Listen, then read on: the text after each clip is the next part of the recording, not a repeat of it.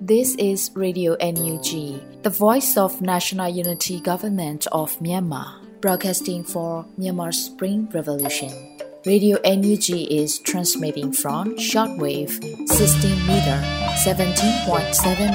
MHz at 8:30 a.m. and 25 meter 11.94 MHz at 8:30 p.m. Myanmar Standard Time. မင်္ဂလာပါရှင်။ မြို့သားညီညွတ်ရေးအစိုးရရဲ့အတန်လွင့်ဌာန Radio NUG ကိုမနက်ပိုင်း၈နာရီခွဲမှာလိုင်းတူ16မီတာ19.89 MHz ညပိုင်း၈နာရီခွဲမှာလိုင်းတူ25မီတာ17.6 MHz တို့မှာဓာတ်ရိုက်ဖမ်းယူနိုင်စေနိုင်ပါရှင်။မင်္ဂလာအပေါင်းနဲ့ပြည့်စုံကြပါစေ။အခုချိန်ကစပြီး Radio NUG အစီအစဉ်လေးကိုဓာတ်ရိုက်အတန်လွှင့်ပေးနေပါပြီရှင်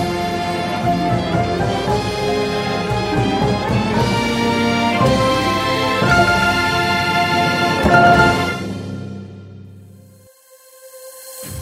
မြန်မာနိုင်ငံသူနိုင်ငံသားအပေါင်းတဘာဝပြီးစိတ်ဟနာရှင်ပြည်တို့ကနေကင်းဝေးပြီးကိုစိတ်နှပါပေးကင်းလုံခြုံကြပါစေလို့ရေဒီယိုအန်ယူဂျီဖွယ်သားများကဆုတောင်းမေတ္တာပို့သလိုက်ရပါတယ်ရှင်။ခုချိန်ကစပြီးကာကွယ်ရေးဝန်ကြီးဌာနရဲ့စီရေးသတင်းချင်းချုပ်ကိုတော့ຫນွေဦးလင်ကမှဖတ်ကြားတင်ပြပေးပါတော့မယ်ရှင်။ကာကွယ်ဝင်ကြီးဌာနမြို့သားညီညွတ်ရေးဆိုရက2022ခုနှစ်ဇူလိုင်လ3ရက်နေ့ထုတ်ဝေတဲ့ စီရေးသတင်းချင်းချုပ်ကိုတင်ဆက်ပေးတော့မှာဖြစ်ပါတယ်။စစ်ကောင်စီတပ်သား29ဦးကြာဆုံးပြီး9ဦးထိခိုက်ဒဏ်ရာရရှိခဲ့ကြောင်းသတင်းရရှိပါရခင်ဗျာ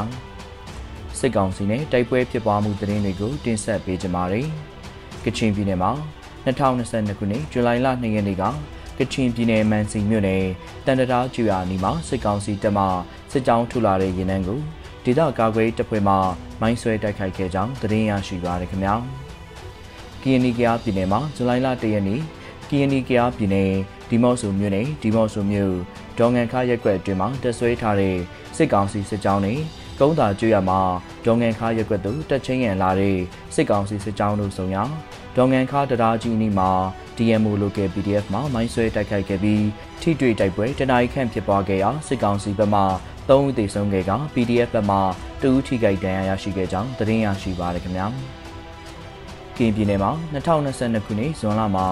ကရင်မျိုးသားစီယုံ KNU တပ်မဟာ9နေမြေဖာပုံခရိုင်တွင်နေမြေကျူးကျော်လာတဲ့စစ်ကောင်စီတပ်ကိုလက်ပါစီ BGF များနဲ့ကရင်မျိုးသားလူမျိုးရေးတပ်မတော် KNL တပ်မဟာ9လက်အောက်ရှိတရင်တပ်ခွဲများကြောင့်ဇွန်လ3ရက်နေ့မှ30ရက်နေ့အထိတိုက်ပွဲပေါင်း223ကြိမ်ဖြစ်ပွားခဲ့ပြီးစစ်ကောင်စီနဲ့ BGF ဘက်မှ94ဦးသေဆုံး၍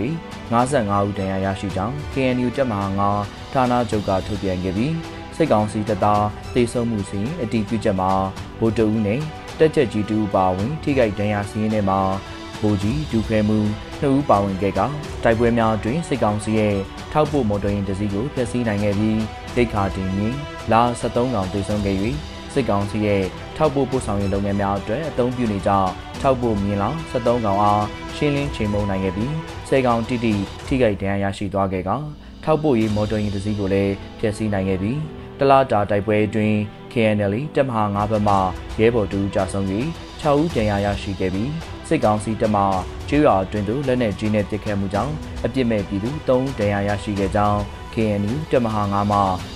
ဇွန်လလကျုံတိုက်ပွဲစီရင်ခံစားများအရသိရှိရပါတယ်ခင်ဗျာ။စကိုင်းတိုင်းမှာ2022ခုနှစ်ဇူလိုင်လ1ရက်နေ့စကိုင်းတိုင်း6မြို့နယ်မှန်ချူကြီးရွာမှာတပ်ဆွဲခဲ့တဲ့စစ်ကောင်စီစစ်ကြောင်းဟာဇွန်လ2ရက်နေ့ 16နာရီ15မိနစ်အချိန်၌ချောင်းဦးနဲ့ငရှန်ရွာကြားမှာထန်းတော်တဲပင်အောင်နဲ့ဝိုင်းဖွဲ့ထိုင်နေစီဒရုန်းမှာအီနာကာဘုံသီးချိတ်၍ဘုံကျဲတိုက်ခိုက်ခဲ့ရာစစ်ကောင်စီတပ်သား12ဦးသေဆုံးခဲ့ပြီးမှန်ချိုကြီးရွာမှာအခြေဘက်သို့ထွက်ခွာလာတဲ့စစ်ကောင်စီ150ပါစစ်ကောင်စီစစ်ကြောင်းဟာချောင်းဦးမန္တလေးလမ်းပိုင်းအရောက်မှာအင်အား90ခန်းနဲ့ထွက်ခွာလာခဲ့ပြီးလမ်းပေါ်မောင်းနှင်တွာလာတဲ့တွဲကားတစ်စီးကိုရက်ခိုင်း၍ကားပေါ်တက်နေစဉ်ဒရုန်းဖြင့်ထပ်မံဘုံကျဲတိုက်ခိုက်ခဲ့တော့လေဆက်ချွေမှုကြောင့်လဲချော်ခဲ့ရက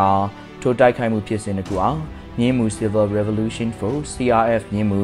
CDSOM ရဲ့မြောက်ပိုင်းတိုက်ခိုက်ရေးနဲ့ကာကွယ်ရေးဖွဲ့ BSK Jan Fighters People Defense Force of Myang Shweo Revolution Force Chao Middle Wolf Army ချောင်းမြို့နယ်ပြည်သူ့ကာကွယ်ရေးဖွဲ့ CHU PDF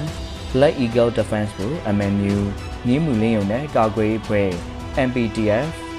မြင်းမူကာကွယ်ရေးဖွဲ့ ချောင်းဦး Revolution Army ချောင်းဦးမြို့နယ်တော်လိုင်းတက်ခွဲနှင်းနဲ့ PDF တလုံးမြင်းကြံခရိုင်တရင်နှင်းစားတဲ့မဟာမိတ်အဖွဲ့ဆက်နက်ဖွဲ့မှပူးပေါင်းတိုက်ခိုက်ခဲ့ကြောင်းသတင်းရရှိပါရခင်ဗျာဇွန်လ2ရက်နေ့ကသကိုင်းတိုင်းရင်းမပင်မြို့နယ်ရေဖွေးတောင်ဤပြည်သူနေနှလုံးကိုပြီးရှို့ဖျက်ဆီးခဲ့၍၎င်းတို့အလိုရှိသောပစ္စည်းများအားပြည်သူပိုင်ထော်လာကြီးနဲ့ပြန်လာတဲ့စစ်ကောင်စီစစ်ကြောင်းကိုချုံမိုင်မိုင်ရင်းမပင်ကနီမဟာမိတ်တပ်ပေါင်းစုနဲ့ရင်းမပင် Local People Defense Force MTOF တို့ပူးပေါင်းမိုင်းဆွဲတိုက်ခိုက်ခဲ့ရာစစ်ကောင်စီတပ်သားများရဲ့ထိခိုက်မှုနဲ့တေဆုံးမှုကိုအတည်မပြုနိုင်သေးကြောင်းသတင်းရရှိပါရခင်ဗျာတနင်္လာရီတိုင်းမှာဇူလိုင်လ2ရက်နေ့ကတနင်္လာရီတိုင်းပလောမြို့နယ်မှာဒဝေမြို့နယ်ဘက်သို့ဦးတည်တက်လာတဲ့စစ်ကောင်စီကား၅စီးနဲ့ နှစ်စီးအားတရချောင်းမြို့နယ်ပတောက်ကြီးကျွော်ဝင်နေရီတောင်ကွေးမှာတိတ်ငယ်ပြောက်ကြားပွဲမှာမိုင်းဆွဲတိုက်ခိုက်ခြင်းကြောင့်စစ်ကောင်စီတပ်သားများထိခိုက်မှုများရှိခဲ့ကြောင်းသတင်းရရှိပါရခင်ဗျာဇွန်လ2ရက်နေ့ကတနင်္လာရီတိုင်းတရချောင်းမြို့နယ်တဲချောင်းကြီးရွာမှာစစ်ကောင်စီနဲ့ဒေသကာကွယ်တပ်တို့စတင်၍တိုက်ပွဲဖြစ်ပွားခဲ့ရာ PDF ဘက်မှနှုတ်ထိခိုက်ဒဏ်ရာရရှိခဲ့ပြီးစစ်ကောင်စီဘက်မှအကြအဆုံးများပြားခဲ့ကြောင်းသတင်းရရှိပါရခင်ဗျာ ပဲခူးတိုင်းမှာဇူလိုင်လ3ရက်နေ့ကပဲခူးတိုင်းကြောက်ကြီးမြို့နယ်မုံမြို့နယ်အတွင်းရှိအောင်လောင်းစိန်စခန်းကျွန်းပင်စိတ်စခန်းတော်ပြင်းစခန်းနဲ့ကျောင်းစုစခန်းသိမ်းတိုက်ပွဲများမှာစစ်ကောင်စီရဲ့အမြဲတမ်းပြည်သူစစ်နဲ့စစ်ကောင်စီတပ်ပူးပေါင်းစခန်းချတဲ့စခန်းများမှာပြည်သူစစ်၄ဦးသေဆုံးခဲ့ပြီးကျန်သူများမှာကိုလွတ်ရုံထွက်ပြေးသွားခဲ့ကြောင်းနဲ့စစ်ကောင်စီတပ်စခန်းများကိုအပြီးတိုင်ရှင်းလင်းနိုင်ခဲ့ကောင်တနက်ရှစ်လက်လက်နက်အမျိုးအစားစီစစ်စင်းနဲ့ခရဲများသိမ်းဆည်းရရှိခဲ့ခြင်းကြောင့် စစ်ကောင်စီဘက်မှတရင်မှုတေဆုံးသွားခဲ့ကတေဆုံးတဲ့စခန်းမှာကြောင်ပြစခန်းဖြစ်ပြီးရင်းစခန်းတိတ်တိုက်ပွဲမှာနှစ်ဖက်ထိခိုက်မှုရှိခဲ့ပြီးထိခိုက်ကြဆုံးမှုအရေးအတွက်မှာမူအတီးပြုနိုင်ရန်စ조사လျက်ရှိကကြောင်ပြစခန်းဟာကညုကွင်းမြို့ခမာယာ439တက်မှာတရင်မှုထိုင်တဲ့စခန်းဖြစ်ကတရင်မှုပါဝင်စစ်ကောင်စီတပ်သားများတိုက်ခိုက်ခံရပြီးတေဆုံးမှုများရှိတဲ့အတွက်ကြောင့်စစ်ကောင်စီတပ်မှကြောင်ပြစခန်းပေါ်သို့လေကြောင်းပစ်ကူ၍ဘုံများကျဲချခဲ့ကြောင်းသတင်းရရှိပါရခင်ဗျာ မွန်ပြည်နယ်မှာဇွန်လ3ရက်နေ့ကမွန်ပြည်နယ်ကြိုက်ထူမြို့နယ်နဲ့ဘီလင်းမြို့နယ်ကြားမှာ KNL ရင်းနှင့်ခွဲနေနဲ့ PDF ရင်းနှင့်ခွဲနေတို့ပူးပေါင်းဖွဲ့မှမိုင်းဆွဲတိုက်ခိုက်ခဲ့ရာစစ်ကောင်စီကားတစ်စီးအားထိမှန်၍စစ်ကောင်စီတပ်သား9ဦးသေဆုံးသွားခဲ့ပြီး9ဦးတန်ရာပြင်းထန်စွာရရှိသွားခဲ့ကြောင်းသတင်းရရှိပါရခင်ဗျာဆက်လက်ပြီးစစ်ကောင်စီကကျူးလွန်တဲ့ရာဇဝမှုတွေကိုတင်ဆက်ပေးကြပါမယ်။စကိုင်းတိုင်းမှာဇွန်လ29ရက်နေ့ကစကိုင်းတိုင်းဗုဒ္ဓလင်မြို့နယ် ကူဒိုကျွော်ကူဒေါစကန်မှာထွက်လာတဲ့စစ်ကောင်စီအင်အား30ခန့်ဟာကဒိုးကျွော်အောင်မိရှုဖျက်ဆီးခဲ့ကကဒိုးရွာမှာနေခုနှလုံးနဲ့စပက်ကြီးနှလုံးပြီးလောင်ပျက်စီးခဲ့ကြောင်းသတင်းရရှိပါရခင်ဗျာ2021ခုနှစ်ဖေဖော်ဝါရီလစစ်ကောင်စီတပ်အာဏာသိမ်းပြီးသည့်ချိန်မှစ၍2022ခုနှစ်ဇူလိုင်လ3ရက်နေ့အထိသကိုင်းတိုင်း6ဦးမြို့နယ်မှာ စစ်ကောင်စီတပ်နဲ့ပြူစောထီတို့ပူးပေါင်းမိရှုမှုကြောင့်အများပြည်သူနေထိုင်နေနေစုစုပေါင်း628အိမ်ပျက်စီးဆုံးရှုံးခဲ့ရကြောင်းသတင်းရရှိပါရခင်ဗျာဇွန်လ2ရက်နေ့ကသကိုင်းတိုင်းရင်းမပင်မြို့နယ်မုံရွာရာကြီးကလေးဝလမ်းမကြီးပေးရှိနေအိမ်ချို့အားစစ်ကောင်စီကမိရှုဖျက်ဆီးသွားခဲ့ရာနေအိမ်နှလုံးမိလောင်ဆုံးရှုံးခဲ့ရပြီးပစ္စည်းများကိုယူဆောင်သွားခဲ့ကြောင်း သတင်းရရှိပါရခင်ဗျာဇွန်လ2ရက်နေ့ကသကိုင်းတိုင်းမင်းကင်းမြို့နယ်မှာစစ်ကောင်စီတပ်မှလက်နက်ကြီးနဲ့ပစ်ခတ်ခဲ့စဉ်ထွက်ပြေးခဲ့တဲ့ရွာသားများမိုင်းနှင်းမိပြီးတူးတေဆုံးက3ဦးဒဏ်ရာရရှိခဲ့ကြောင်းသတင်းရရှိပါရခင်ဗျာ ဇွန်လ30ရက်နေ့ကသကိုင်းတိုင်းမုံရွာမြို့နယ်မုံရွာကျင်းတောင်မှာစစ်ကောင်စီလက်အောက်ခံထောင်ဝင်တန်းတပွင့်ဘူစောစောအောင်ခပလိုင်းဟာအရက်မူလာပြီးအမုံရွာကျင်းတောင်တွင်အချုပ်ကျနေတဲ့နိုင်ငံရေးအကျဉ်းသား LGBT2 ကိုအနိုင်ကျင့်သည့်ဖြစ်ရဖြစ်ပွားခဲ့ကြောင်းသတင်းရရှိပါရခင်ဗျာဇွန်လ2ရက်နေ့ကစကိုင်းတိုင်းတပင်းမြို့နယ်အနောက်ဘက်ကျန်းရှိကျွေးရများဖြစ်တဲ့ဆက်ပြချင်းကြီးဖရက်တွင်ဘုတ်ရွာစားတဲ့ကျွေးရများကိုစစ်ကောင်စီမှရဟရင်နှစီးနဲ့ဝဲပြန်က ပြည်သူများကိုလိုက်လံပစ်ခတ်နေကြောင်းသတင်းရရှိပါရခင်ဗျာတနင်္သာရီတိုင်းမှာဇွန်လ2ရက်နေ့ကတနင်္သာရီတိုင်းပလောမြို့နယ်ပလောမြို့အမှတ်3ရပ်ကွက်ကန့်ကော်လန်ဟိန္ဒူဘုရားကျောင်းရှိနေများအားပလောခြေဆိုင်ခလာရ285စစ်ကောင်စီတပ်ဖွဲ့မှအင်စည်းကားလေးစီးနဲ့လာရောက်ပြီးကာဝေးတပ်ဖွဲ့နဲ့ဆက်ဆက်တည်ယူဆိုကဝင်းရောက်စီးနှင်း၍တန်မိုးကြီးပစ္စည်းများယူသွားတဲ့အပြင်ဒေသခံရှိဦးအားရိုက်နှက်ဖမ်းဆီးခေါ်ဆောင်သွားခဲ့ကြောင်းသတင်းရရှိပါရခင်ဗျာ။ ပဲခူးတိုင်းမှာဇွန်လလ၁ရက်နေ့ကပဲခူးတိုင်းတောင်ငူမြို့နယ်တောင်ငူမြို့တွင်905ပုံမှန်နဲ့ဖမ်းဆီးခံရသူများအားဇွန်လလ30ရက်နေ့၌ထောင်ထဲများချမှတ်ခဲ့ကြောင်းချုပ်ရဲ့တစ်နှစ်ကျော်ပြီးမှအခုလိုအမိန့်ချမှတ်ခြင်းဖြစ်ပြီးအများစုမှာ၎င်းတို့ရဲ့တန်တရားဆွဆွဲချက်များနဲ့ထောင်ဒဏ်3နှစ်ချမှတ်၍ပုံမှန်905နဲ့စစွဲချက်တင်ခံရသူအလုံးအမိန့်ချမှတ်မိဖြစ်ကြောင်းသတင်းရရှိပါရခင်ဗျာဇွန်လ1ရက်နေ့ညပိုင်း၌ပဲခူးတိုင်းပြည်မြို့တွင်ဖ မ်းဆီးသွားတဲ့ចောင်းသား9ဦးနဲ့မှ6ဦးသာပြန်လွှတ်ပေး၍ចောင်းသား2ကိုဇူလိုင်လ2ရက်နေ့ထိပြန်လွှတ်ပေးခြင်းမရှိကြောင်းသတင်းရရှိပါရခင်ဗျာမွန်ပြည်နယ်မှာဇွန်လ30ရက်နေ့ကမွန်ပြည်နယ်ဘီလင်းမြို့နယ်မှာပြည်သူ့ကာကွယ်တပ်ဖွဲ့ဝင်ဦးပန်းမြင့်နဲ့ဦးကိုကိုမောင်တို့အားစစ်ကောင်စီတပ်မှဖမ်းဆီးပြီးနောက်ရိုက်နှက်ညှဉ်းပန်းတပ်ဖြတ်ခဲ့ပြီးအလောင်းမြင်မြုပ်သွားခဲ့ကယခုအခါအလောင်းနှလောင်းလုံးပြန်လည်ရရှိခဲ့ပြီးတကြိုခဲ့ရကြောင်းနဲ့ အလောင်းများပြန်လည်ရရှိချိန်မှာစစ်ကောင်စီတပ်မှအလွန်မင်းနှိပ်စက်ထားပြီးခြေနဲ့လက်များကိုခုတ်ထစ်ထားခဲ့ကပါဇက်ထဲသို့လည်းရေနွေးပူသို့မဟုတ်အက်ဆစ်လောင်းထည့်ခဲ့ကြပုံပေါ်ပြီးမျက်နှာတစ်ခုလုံးမှာသွားများမရှိပဲရုပ်ပြက်ဆင်းပြက်ဖြစ်နေပြီး PDF ရဲဘော်နှုတ်ဖြစ်တဲ့ရဲဘော်ပန်းမြင့်နဲ့ရဲဘော်ကိုကိုမောင်တို့ဟာဘင်းလင်းမြို့နယ် NLD ပါတီဥက္ကဋ္ဌဦးကျော်မျိုးမင်းနဲ့အတူဇွန်လ22ရက်နေ့မှာစစ်ကြောင်းထိုးလာတဲ့စစ်ကောင်စီတပ်နဲ့ထိတ်တိုက်တွေ့ဆုံပြီးနောက်ပန်းစည်းခံလိုက်ရခြင်းဖြစ်ကြောင်းသတင်းရရှိပါရခင်ဗျာမကွေးတိုင်းမှာဇွန်လ30ရက်နေ့ကမကွေးတိုင်းပခုတ်ကူမြို့နယ်ပခုတ်ကူမြို့အမှတ်6ရပ်ကွက်17လမ်းရှိနေအိမ်တစ်ခု၌ပေါက်မြို့နယ်ထန်းတော်ရွာဇာတိဖြစ်သူပခုတ်ကူတက္ကသိုလ်ကျောင်းသားသမဂ္ဂအဖွဲ့ဝင်အတွင်ရေးမှူးဟောင်းကိုမျိုးသူကိုမမှန်မကန်တရင်ရေးသားဖြန့်ဝေသူဖြစ်ဆွဆွဲကစစ်ကောင်စီအင်အား15ဦးခန့် လာရောက်ဖမ်းဆီးသွားခဲ့ကြောင်းသတင်းရရှိပါရခင်ဗျာရှမ်းပြည်နယ်မှာဇူလိုင်လ2ရက်နေ့ကရှမ်းပြည်နယ်တောင်ကြီးမြို့နယ်တောင်ကြီးပညာရေးဒီဂရီကောလိပ်ကျောင်းသားများတမကအဖွဲ့ဝင်တူဖြစ်တဲ့ကိုဆိုင်စေအောင်ဟာမေလ23ရက်နေ့မှာစစ်ကောင်စီရဲ့ဖမ်းဆီးမှုကိုခံခဲ့ရပြီး45ရက်ကျော်ကြာသည့်အထိအဆက်အသွယ်မရဘဲမြည်သည့်နေရာတွင်ထိမ့်သိမ်းထားရှိသည်ကိုပင်မသိရှိရသေးကြောင်းသတင်းရရှိပါရခင်ဗျာဇွန်လ2ရက်နေ့ကရှမ်းပြည်နယ်မိုင်းအောင်မြို့နယ်အတွင်းမှာကျွော်တရားမှာအသက်10နှစ်ရွယ်ကလေးတူကို စစ်ကောင်စီတပ်သားတူမှကြေးရွာတင်ချိုင်ကုန်းသို့သွားတဲ့လမ်းမှာဓားထောက်ချင်းချောက်၍အာဓမပြုကျင့်ခဲ့ကြောင်းနဲ့ကလေးငယ်ကိုအာဓမပြုကျင့်တဲ့ကိစ္စနဲ့ပတ်သက်၍သတင်းမပေါက်ကြားရန်မိသားစုများကိုချင်းချောက်ပြောဆိုထားကြောင်းမြေပြင်သတင်းများအရသိရှိရပါတယ်ခင်ဗျာရန်ကုန်တိုင်းမှာဇွန်လ3ရက်နေ့ကရန်ကုန်တိုင်းတန်လျင်မြို့နယ်ဒါဂါရက်ကွယ်ကန်ဆောင်ဘက်မှာစိတ်ကောင်စီဖွဲ့ဝင်များမှအဲဇင်းစစ်ဆေး၍လူငယ်ပိုင်းအမျိုးသားလေးဦးခန့် ဖမ်းဆီးခံခဲ့ရကြောင်းသတင်းရရှိပါရခင်ဗျာဇွန်လ2ရက်နေ့ကရန်ကုန်တိုင်းစမ်းချောင်းမြို့နယ်ဗဒုံမာလန်းကိုစစ်ကောင်စီလက်အောက်ခံတပ်သားများနဲ့ရဲများမှပိတ်ထားပြီးလူငယ်မျိုးသားလေးဦးကိုဖမ်းဆီးထားခဲ့ကြောင်းသတင်းရရှိပါရခင်ဗျာ AR တိုင်းမှာဇွန်လ1ရက်နေ့ကမနက်ပိုင်းမှာ AR တိုင်းပသိမ်မြို့နယ်ပသိမ်ချင်းထောင်မှာမတရားဖမ်းဆီးခံထားရတဲ့နိုင်ငံရေးအကျဉ်းသားများအနက်မှအမျိုးသား3ဦးဦးမြင့်အောင်ကိုစာနီအောင်နဲ့ ကိုရဲဟင်းတို့ကိုစစ်ကောင်စီလက်အောက်ခံထောင်တွင်းတရားရုံးမှအကြမ်းဖက်မှုတိုက်ဖျက်ရေးဥပဒေပုံမှာ90ဇာမြင်ဆွဲနဲ့ထောင်ဒဏ်10နှစ်စီချမှတ်ခဲ့ကြောင်းနဲ့ထောင်ဒဏ်ချမှတ်ခံရသူ3ဦးမှာပြီးခဲ့တဲ့2022ခုနှစ်စက်တင်ဘာလ28ရက်နေ့ညပိုင်းမှာပသိမ်မြို့နယ်စိန်အောင်ကျွော်ရှိမိုင်းတဲတာဝါတိုင်းမိုင်းခွဲခံရမှုနဲ့ပတ်သက်၍မတရားဆွဆွဲဖမ်းဆီးခံရသူများဖြစ်ကြောင်းသတင်းရရှိပါရခင်ဗျာဇွန်လ2ရက်နေ့ညပိုင်းက AR တိုင်းကြိုင်ငင်းမြို့နယ်စပအူးကျွော်မှာဒေသခံ၄ဦးအား PDF များနှင့်ပတ်သက်သည်ဟုဆိုကစစ်ကောင်စီတပ်မှမတရားဆွဆွဲ၍ဖမ်းဆီးသွားခဲ့ကြောင်းသတင်းရရှိပါရခင်ဗျာဇွန်လ3ရက်နေ့က AR တိုင်းဖျာပုံခရိုင်အမာမြို့ပေါ်ကျောင်းများနှင့်ကျွော်များမှာရှိတဲ့စာတင်ကျောင်းများ၌စစ်ကောင်စီမှဒေသခံပြည်သူများအားနေညအလေကြာစနစ်နဲ့အတင်းကျပ်ကင်းဆောင်ခိုင်းနေကြောင်းနဲ့ဖျာပုံခရိုင်စစ်ကောင်စီအဖွဲ့ရဲ့စိတ်ခိုင်းချက်အရသက်ဆိုင်ရာအုပ်ချုပ်ရေးမှုများမှ ဒေသခံပြည်သူများအားကင်းဆောင်ခိုင်းနေခြင်းဖြစ်ကြောင်းသတင်းရရှိပါရခင်ဗျာ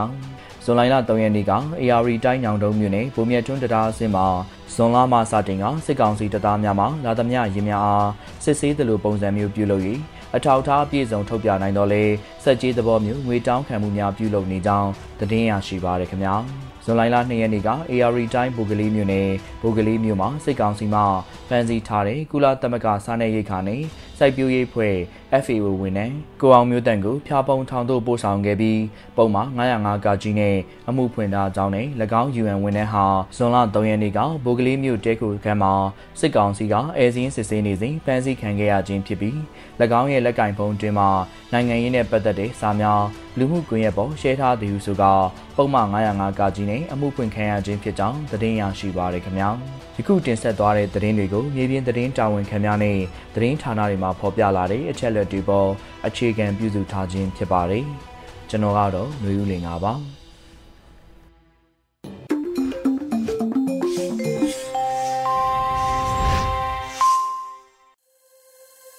ရေဒီယိုအန်ယူဂျီရဲ့မနက်ခင်းစီစဉ်လေးကိုဆက်လက်တင်ပြနေပါတယ်။အခုဆက်လက်ပြီး နောက်ဆုံးရသတင်းများကိုຫນွေဦးမှမှဖတ်ကြားတင်ပြပေးပါရမရှင်။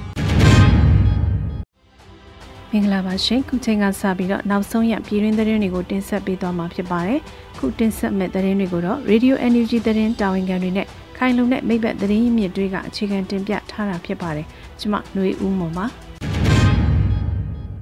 တွင်ကူပြောင်းရေးကာလဖွဲ့စည်းပုံအခြေခံဥပဒေရေးဆွဲဖို့ဆုံးဖြတ်လိုက်တဲ့သတင်းကိုဥစွာတင်ဆက်ပေးကြပါမယ်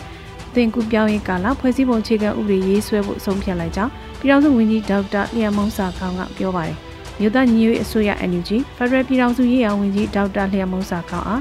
THN Freelance Journalist မှတွေ့ဆုံမေးမြန်းရမှာထည့်သွင်းပြောကြားခဲ့ပါတယ်။ကျွန်တော်တို့အနေနဲ့အသွင်ကူးပြောင်းရေးကာလဖွဲ့စည်းပုံအခြေခံဥပဒေကိုရေးဆွဲဖို့အချိန်တန်ပြီလို့ကျွန်တော်တို့ဆုံးဖြတ်လိုက်ပါတယ်။မြေအောင်လိုင်းနဲ့စစ်ကောင်စီကမြေပြင်ကိုမထိန်ချုပ်နိုင်တော့ဘူး။မြေပြင်ကလူလူလက်ထဲမှာရှိပြီဖြစ်တဲ့အတွက်အသွင်ကူးပြောင်းရေးကာလစတင်နေပြီလို့ဝန်ကြီးကပြောပါတယ်။မြို့သားညီညွတ်ရေးအစိုးရအနေနဲ့နေမြေစိုးမိုးမှုတွင် တိုင်းဒေသကြီးများဖြစ်သောသကိုင်းတိုင်းနဲ့မကွေးတိုင်းမြောက်ပိုင်းတို့မှာရှိတဲ့အဓိကလမ်းမကြီးများအား90ရာခိုင်နှုန်းကန့်နဲ့ကျေးရွာအများစုကို80ရာခိုင်နှုန်းကို PDF များကစိုးမိုးထိန်းချုပ်ထားနိုင်ပြီလို့ထုတ်ပြန်ထားတာဖြစ်ပါတယ်ရှင်။မြို့သားညီညွတ်ရေးအစိုးရမဟာမိတ်ဆက်ဆံရေးကော်မတီနဲ့ဂျာကာလာချင်းအမျိုးသားအတိုင်ပင်ခံကောင်စီ ICNCC တို့တွဲဆုံဆွေးနွေးတဲ့သတင်းကိုလည်းဆက်လက်တင်ဆက်ပေးပါမယ်။ မြို့သားညီညွတ်ရေးအစိုးရမဟာမိတ်ဆက်ဆံရေးကော်မတီနဲ့ဂျာကာလာချင်းမြို့သားတမင်ငယ်ကောင်စီ ICNCC တို့တွေ့ဆုံခဲ့ကြပါတယ်။ဇူလိုင်2ရက်နေ့မွန်လွယ်မိုင်းမှာမဟာမိတ်ဆက်ဆံရေးကော်မတီနဲ့ဂျာကာလာချင်းမြို့သားတမင်ငယ်ကောင်စီ ICNCC တို့တွေ့ဆုံဆွေးနွေးခဲ့တာပါ။မဟာမိတ်ဆက်ဆံရေးကော်မတီနဲ့ဂျာကာလာချင်းမြို့သားတမင်ငယ်ကောင်စီ ICNCC တို့ကြားဆက်လက်ပူးပေါင်းလှုပ်ဆောင်ရမယ့်ကိစ္စရပ်တွေနဲ့ပတ်သက်ပြီးဆွေးနွေးပြောကြားခဲ့ပါတယ်။ မြို့သားညီညွတ်ရေးအစိုးရမဟာမိတ်ဆက်ဆံရေးကော်မတီကိုဂျပန်စစ်ကောင်စီကိုဖြုတ်ချနိုင်ရေးအာဏာရှင်စနစ်အဆုံးသတ်နိုင်ရေးစစ်ရေးလုံခြုံရေးကာကွယ်ရေးလူမှုရေးနဲ့အုပ်ချုပ်ရေးကိစ္စရပ်တွေအတွက်ဖွဲ့စည်းခဲ့တာဖြစ်ပါတယ်ရှင်။ကဏီမြို့နယ်ကျေးရွာတွေမှာ NUG ပညာရေးစုံညီပွဲတော်နဲ့အာရှရပူဇော်ပွဲကျင်းပတဲ့သတင်းကိုလည်းတင်ဆက်ပေးကြပါသေးတယ်။ကဏီမြို့နယ်ကျေးရွာတွေမှာ NUG ပညာရေးစုံညီပွဲတော်နဲ့အာရှရပူဇော်ပွဲကျင်းပခဲ့ပါတယ်။ ဇူလိုင်လ3ရက်နေ့မှာပညာရေးစုံညီပွဲတော်ကိုကျင်းပခဲ့ကဆရာဆရာမများကိုလည်းကြော်ပွဲကျင်းပခဲ့တာလို့ဒေသခံအရင်းမြစ်တွေကသိရပါတယ်။ပြီးခဲ့တဲ့ရက်ပိုင်းကလည်းရင်းမဲ့ပင်မြို့နယ်မှာမိုးရာသီအားကစားပွဲတော်ကျင်းပခဲ့ပါသေးတယ်။စကိုင်းတိုင်းမှာပြည်သူ့ပညာရေးကျောင်းပေါင်းဂျာနဲ့ချီရှိပြီးတော့သင်ကြားလျက်ရှိတဲ့ကျောင်းသားကျောင်းသူထောင်နဲ့ချီရှိပါတယ်ရှင်။ဆလင်းကြီးမြို့နယ်အတွင်းရှိမိရှုခံရသောခြေရွာတရွာတို့အိမ်နောက်စုတစုလင်းကြက်9000မုံရွာတက္ကသိုလ်ကျောင်းသားများတမကအဖွဲ့ကထောက်ပံ့ကူညီတဲ့တရင်ကိုလည်းတင်ဆက်ပေးပါမယ်။ စကိုင်းတိုင်းဆလင်းကြီးမြို့နယ်အတွင်းရှိမိရှုခံရတဲ့ခြေရွာတရွာကိုအိမ်နောက်စုတစုလင်းကြက်9000မုံရွာတက္ကသိုလ်ကျောင်းသားများတမကအဖွဲ့ကထောက်ပံ့ကူညီခဲ့ပါတယ်။ဇူလိုင်လ3ရက်နေ့မှာမုံရွာတက္ကသိုလ်ကျောင်းသားများတမကအဖွဲ့ကတရင်ထုတ်ပြန်ပါတယ်။မုံရွာတက္ကသိုလ်ကျောင်းသားများတမကအဖွဲ့မှဆလင်းကြီးမြို့နယ်အတွင်းရှိမိရှုခံရသောခြေရွာတွေရွာတို့အိမ်နောက်စုတစုလျင်9000ကျပ်စီဖြင့်အိမ်နောက်စု73အိမ်တီတီကိုတွားရောက်ပြီးထောက်ပံ့ကူညီပေးခဲ့ပါတယ်လို့ဆိုပါတယ်။ထပ်မံပြီးတွားရောက်ထောက်ပံ့ရမယ့်ခြေရွာများကြန့်ရှိနေသေးတယ်လို့လည်းသိရပါတယ်။ စစ်ကောင်စီတပ်များဟာနေမြို့များမှာကြေးရွာတွေကိုမိရှုဖျက်ဆီးရမှာစကိုင်းတိုင်းမကွေးတိုင်းနဲ့ချင်းပြည်နယ်တို့ပါဝင်ပါတယ်ရှင်။နှလုံးလှလူမိုက်ကြီးများအဖွဲ့မြင်းကြံမှာရေမြုံမိုင်းစမ်းသက်ထုတ်လုပ်မှုအောင်မြင်တဲ့တရင်ကိုလည်းတင်ဆက်ပေးပါမယ်။နှလုံးလှလူမိုက်ကြီးများဖွဲ့မြင်းကြံမှရေမြုံမိုင်းစမ်းသက်ထုတ်လုပ်အောင်မြင်တယ်လို့သတင်းရရှိပါတယ်။ဇူလိုင်လ3ရက်နေ့မှာစမ်းသက်ထုတ်လုပ်မှုအောင်မြင်တဲ့ရေမြုံမိုင်းကိုဖောက်ခွဲပြသခဲ့ပါတယ်။မြင်းကြံခရိုင်အမှတ်9တရင်နှလုံးလှလူမိုက်ကြီးများဖွဲ့က ဇူလိုင်2ရက်နေ့ရေမြုံမိုင်း9လုံးအားစမ်းသပ်ခဲ့ရအောင်မြင်ခဲ့ပါတယ်လို့ဖော်ပြပါတယ်။တလုံးလလူမိုက်ကြီးများအဖွဲ့မြင်းကြံအဖွဲ့ဟာဆီယနာရှင်စနစ်ကိုဆန့်ကျင်တော်လှန်နေတဲ့တော်လှန်ရေးအင်အားစုအဖွဲ့လည်းဖြစ်ပါတယ်ရှင်။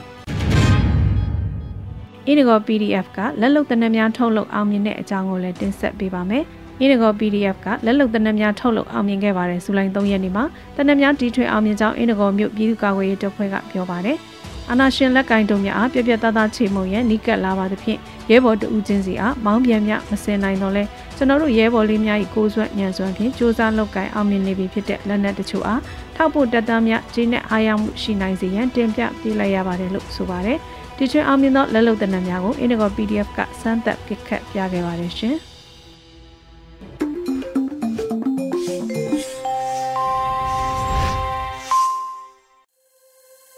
အခုဆက်လက်ပြီးတော်လန်ရေးတေးဂီတာအနေနဲ့တိုက်ပွဲလို့အမည်ရတဲ့တေးဂီတာကိုတေးရေးတင်မျိုးကရေးသားပြီးတေးဆူကြောသက်ကတီဆူပေးထားတာကိုနားဆင်ကြရတော့မှာဖြစ်ပါရဲ့ရှင်။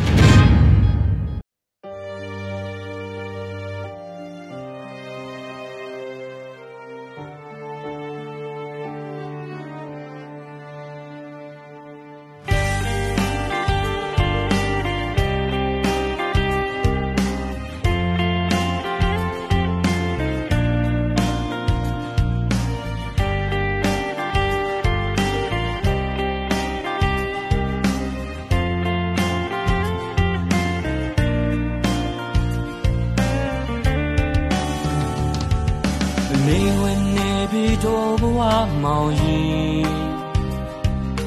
အိမ်ပြန်ချိန်တွေနောင်ကြနေပြီဒီလိုချိန်ထမင်းဝိုင်းကလူမစုံတော့မျောကနေရင်မောတီပြန်လာချိန်ကြီးဆောင်လို့နေသည်အဖေဟာမျောရည်လန်ကလေးတွေစီည နေလိုလူချေတိန်လေပြန်မလာတဲ့တာတွေမျက်ရှိလေသည်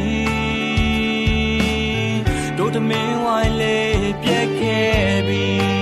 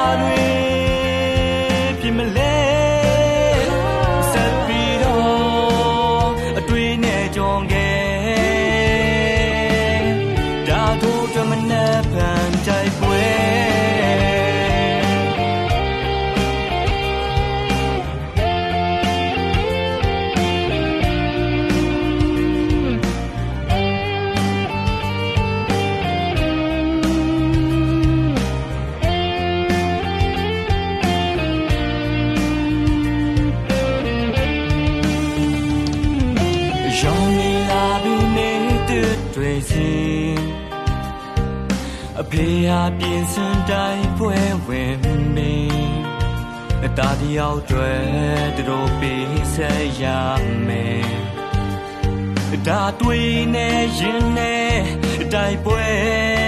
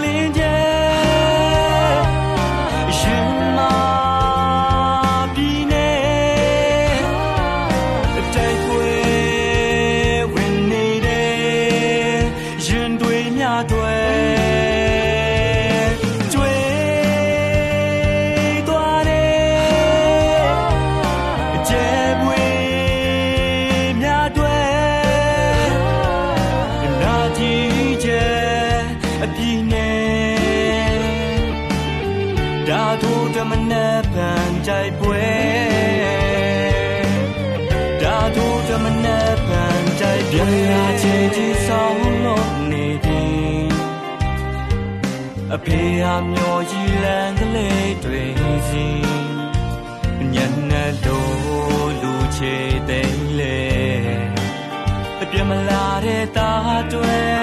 မျက်ရည်လေတီတို့သမင်းဝိုင်းလေးပြက်ခဲ့ပြီ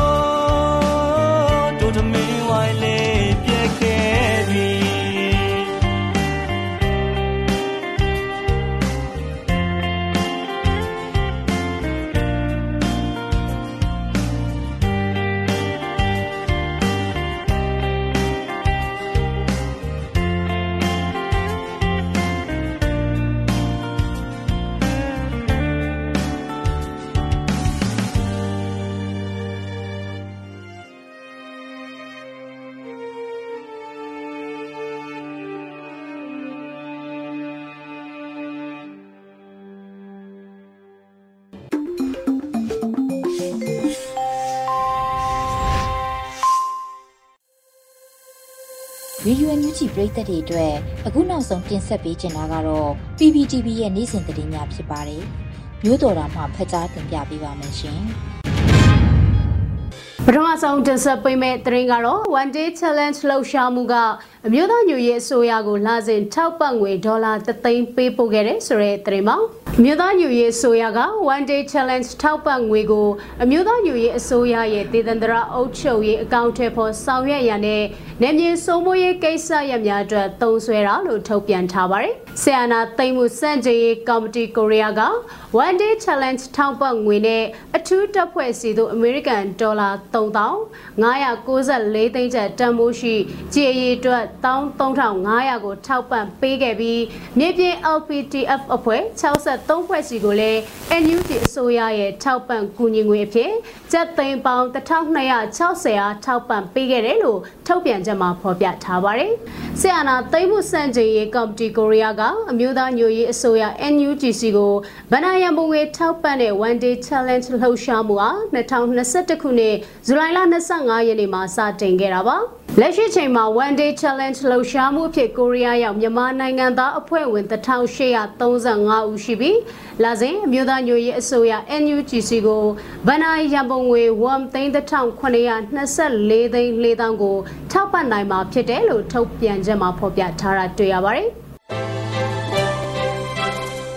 အခုတင်ဆက်ပေးမှာကတော့ဒေတာစီရင်ခံထားရတဲ့နိုင်ငံရေးအကျဉ်းသား၄ဝတ်အတွက်အိန္ဒိယအစိုးရကတောင်းဆိုပေးဖို့ဥရောပတိုက်ရဲ့အိန္ဒိယတန်ယုံတွေစီစာပေးဖို့တောင်းဆိုလိုက်တဲ့ဆိုတဲ့သတင်းမှာအကြမ်းဖက်စစ်ကောင်စီရဲ့ဒေတာစီရင်ခြင်းကိုခံထားရတဲ့နိုင်ငံရေးအကျဉ်းသား၄ဝတ်အတွက်ရည်ရွယ်ပြီးအိန္ဒိယအစိုးရကတောင်းဆိုပေးဖို့အတွက်ဥရောပတိုက်ရဲ့အိန္ဒိယတန်ယုံတွေစီကိုဥရောပရဲ့မြန်မာနိုင်ငံရေးအတွက် သွေးစည်းညီညာစွာလှုပ်ရှားနေတဲ့အဖွဲ့၁၈ဖွဲ့ကအိတ်ဖွင့်ပေးစာတွေပေးပို့တောင်းဆိုလိုက်ပါတယ်။အကြမ်းဖက်စစ်ကောင်စီကနိုင်ငံရေးအကျဉ်းသားတွေဖြစ်ကြတဲ့ကိုတင်မီခကိုကျော်မေယူကိုဖြိုးစေရသောကိုလှမျိုးအောင် ကိုအောင်သူရစော်တို့လေးဦးတို့ကိုတရားမျှတစွာစီရင်ခြင်းမရှိဘဲကွက်မြတ်ဖို့ရည်ရွယ်ထားတဲ့အကြောင်းကြေညာချက်ကိုပေါ်ပေါ်ထင်ထင်ရှုံချဖို့နဲ့အဲ့ဒီလိုကြောင်းမဲ့ဖွဲရလောက်ရက်ကိုစွမ်းနိုင်သမျှတားပေးဖို့တာမတ်ကြီးတွေကအိန္ဒိယအစိုးရကိုတောင်းဆိုပေးကြဖို့အတွက်သွေးစည်းညီညွတ်စွာလှုပ်ရှားနေသောအဖွဲ့၁၈ဖွဲ့ကတိုက်တွန်းထားတာပါ။အဲဒီအိတ်ဖွင့်ပေးစာကိုချက်သမရနိုင်ငံဆိုင်ရာအိန္ဒိယတန်အမတ်ကြီးကိုတဝါ ချက်သမရနိုင်ငံဆိုင်ရာဂျပန်တန်အမတ်ကြီးဆူဇူကီဟိုက်တီယိုအပါအဝင် အခြားသောအဖွဲ့အစည်းတွေစီပေးပို့ခဲ့ပါတယ်။ဆလတန်ဆပ်ဝိမှာကတော့ကြောက်ကြီးမြို့နယ်လော်မူပင်ကျေးရွာကိုအကြမ်းဖက်စစ်တပ်ကမိရှုဖျက်ဆီးပြီးရွာသားတအုပ်ကိုပြစ်တက်လိုက်တယ်ဆိုတဲ့သတင်းမှာ ဂေအမျိုးသားစီယုံ KNU ညောင်လေးပင်ခရိုင်ကြောက်ကြီးမြို့နယ်စီမံအုပ်ချုပ်ရေးနယ်မြေအတွင်းမှာရှိတဲ့လော်မှုပဲကျေးရွာကိုအကြံပတ်စစ်တပ်ကဇူလိုင်လ2ရက်ညနေ4နာရီအချိန်မှာမိရှုဖျက်ဆီးခဲ့တယ်လို့ KNU ဗဟိုကသတင်းထုတ်ပြန်ထားပါတယ်။အကြံပတ်စစ်ကောင်စီရဲ့တပ်တွေဖြစ်တဲ့ခမာယ43ကို ခမာယ35တဲ့ခလာယ60နဲ့ပူပေါင်းတပ်ကလော်မှုပဲကျေးရွာကိုမိရှို့ခဲ့တယ်ဆိုတာနဲ့လော်မှုပဲကျေးရွာသားဖြစ်တဲ့စောမာနီထူကိုလည်းတပ်ပစ်ခဲ့တယ်လို့ဖော်ပြထားပါတယ်။ ထုတ်ပြန်ချက်ထဲမှာတော့စောမာနီထူကအသက်25နှစ်ရှိပြီးအသက်မွေးဝမ်းကြောင်းအတွက်ဆိုင်ကယ်ပြင်ဆိုင်ဖွင့်ထားကအကြမ်းဖက်စစ်တပ်ကောင်စီကသူ့ကိုစိုင်းတွင်းမှာပဲပြစ်တက်ခဲ့တာလို့ဖော်ပြထားပါတယ်။အလားတူပင်ဇူလိုင်လ၁ရက်နေ့မှာလည်းအကြမ်းဖက်စစ်တပ်ကလိန်ပင်ဝဲကျေးရွာသားတီတော်နေနဲ့အဖော်တဦးကိုအကြောင်းမဲ့ပြစ်ခတ်ခဲ့ပြီးသူတို့နှစ်ဦးကဆိုင်ကယ်ကိုထားခဲ့ကကိုလွတ်ယုံထွက်ပြေးခဲ့ရတယ်လို့ဖော်ပြထားပါတယ်။ အဲဒီလိုပဲကျမ်ပတ်စစ်တပ်ကဇူလိုင်29ရက်မှာနရွဲပင်ကျေးရွာသားစော်မှုသားကိုတပ်ဖြတ်ခဲ့ပြီးမြုပ်ထားတဲ့အလောင်းအောက်မှာမိုင်းသုံးလုံးထောင်ထားခဲ့သလိုအဲ့ဒီနေ့ကပဲပျောက်ဆုံးသွားတဲ့နရွဲပင်ကျေးရွာသားတဦးကိုလည်းရတဲ့ချိန်ထိပြန်လည်မတွေ့ရှိရသေးဘူးလို့ထုတ်ပြန်ချက်မှာဖော်ပြထားပါတယ်။ကရင်ပြည်နယ်အတွင်းမှာအကြမ်းဖက်စစ်ကောင်စီတပ်တွေကနေမြေကျူးကျော်စစ်ဆင်နွဲနေပြီးတော့ပြည်သူတွေကိုနီလန်ပေါင်းစုံနဲ့တပ်ဖြတ်နေတာလည်းဖြစ်ပါတယ်။ ဒီကနေ့ကတော့ဒီညနဲ့ပဲ Radio NUG ရဲ့အစီအစဉ်လေးကိုခਿੱတရနာလိုက်ပါမယ်ရှင်။မြမစံတော်ချိန်မနက်၈နာရီခွဲနဲ့ည၈နာရီခွဲအချိန်တွေမှာပြန်လည်ဆုံတွေ့ကြပါစို့။ Radio NUG ကိုမနက်ပိုင်း၈နာရီခွဲမှာလိုင်းတူ16မီတာ19.8 MHz ညပိုင်း၈နာရီခွဲမှာလိုင်းတူ25မီတာ17.6 MHz တို့မှာဓာတ်ရိုက်ဖမ်းလို့နိုင်စေနိုင်ပါပြီ။ မြန်မာနိုင်ငံသူနိုင်ငံသားတွေကိုစိတ်နှပြကျန်းမာချမ်းသာလို့ဘေးကင်းလုံခြုံကြပါစေလို့ Radio NUG အဖွဲ့သူဖွဲ့သားတွေကဆုတောင်းမြတ်တာပို့တာလိုက်ရပါတယ်ရှင်။မြေသားညီမတွေအစိုးရရဲ့စက်သွေးရေးသတင်းအချက်အလက်နဲ့လူပညာဝန်ကြီးဌာနကထုတ်လွှင့်နေတဲ့ Radio NUG ဖြစ်ပါတယ်။ San Francisco Bay Area အခြေစိုက်မြန်မာမိသားစုတွေနဲ့နိုင်ငံတကာကစေတနာရှင်လို့အားပေးနေတဲ့ Radio NUG ဖြစ်ပါတယ်။အရေးတော်ပုံအောင်ရမည်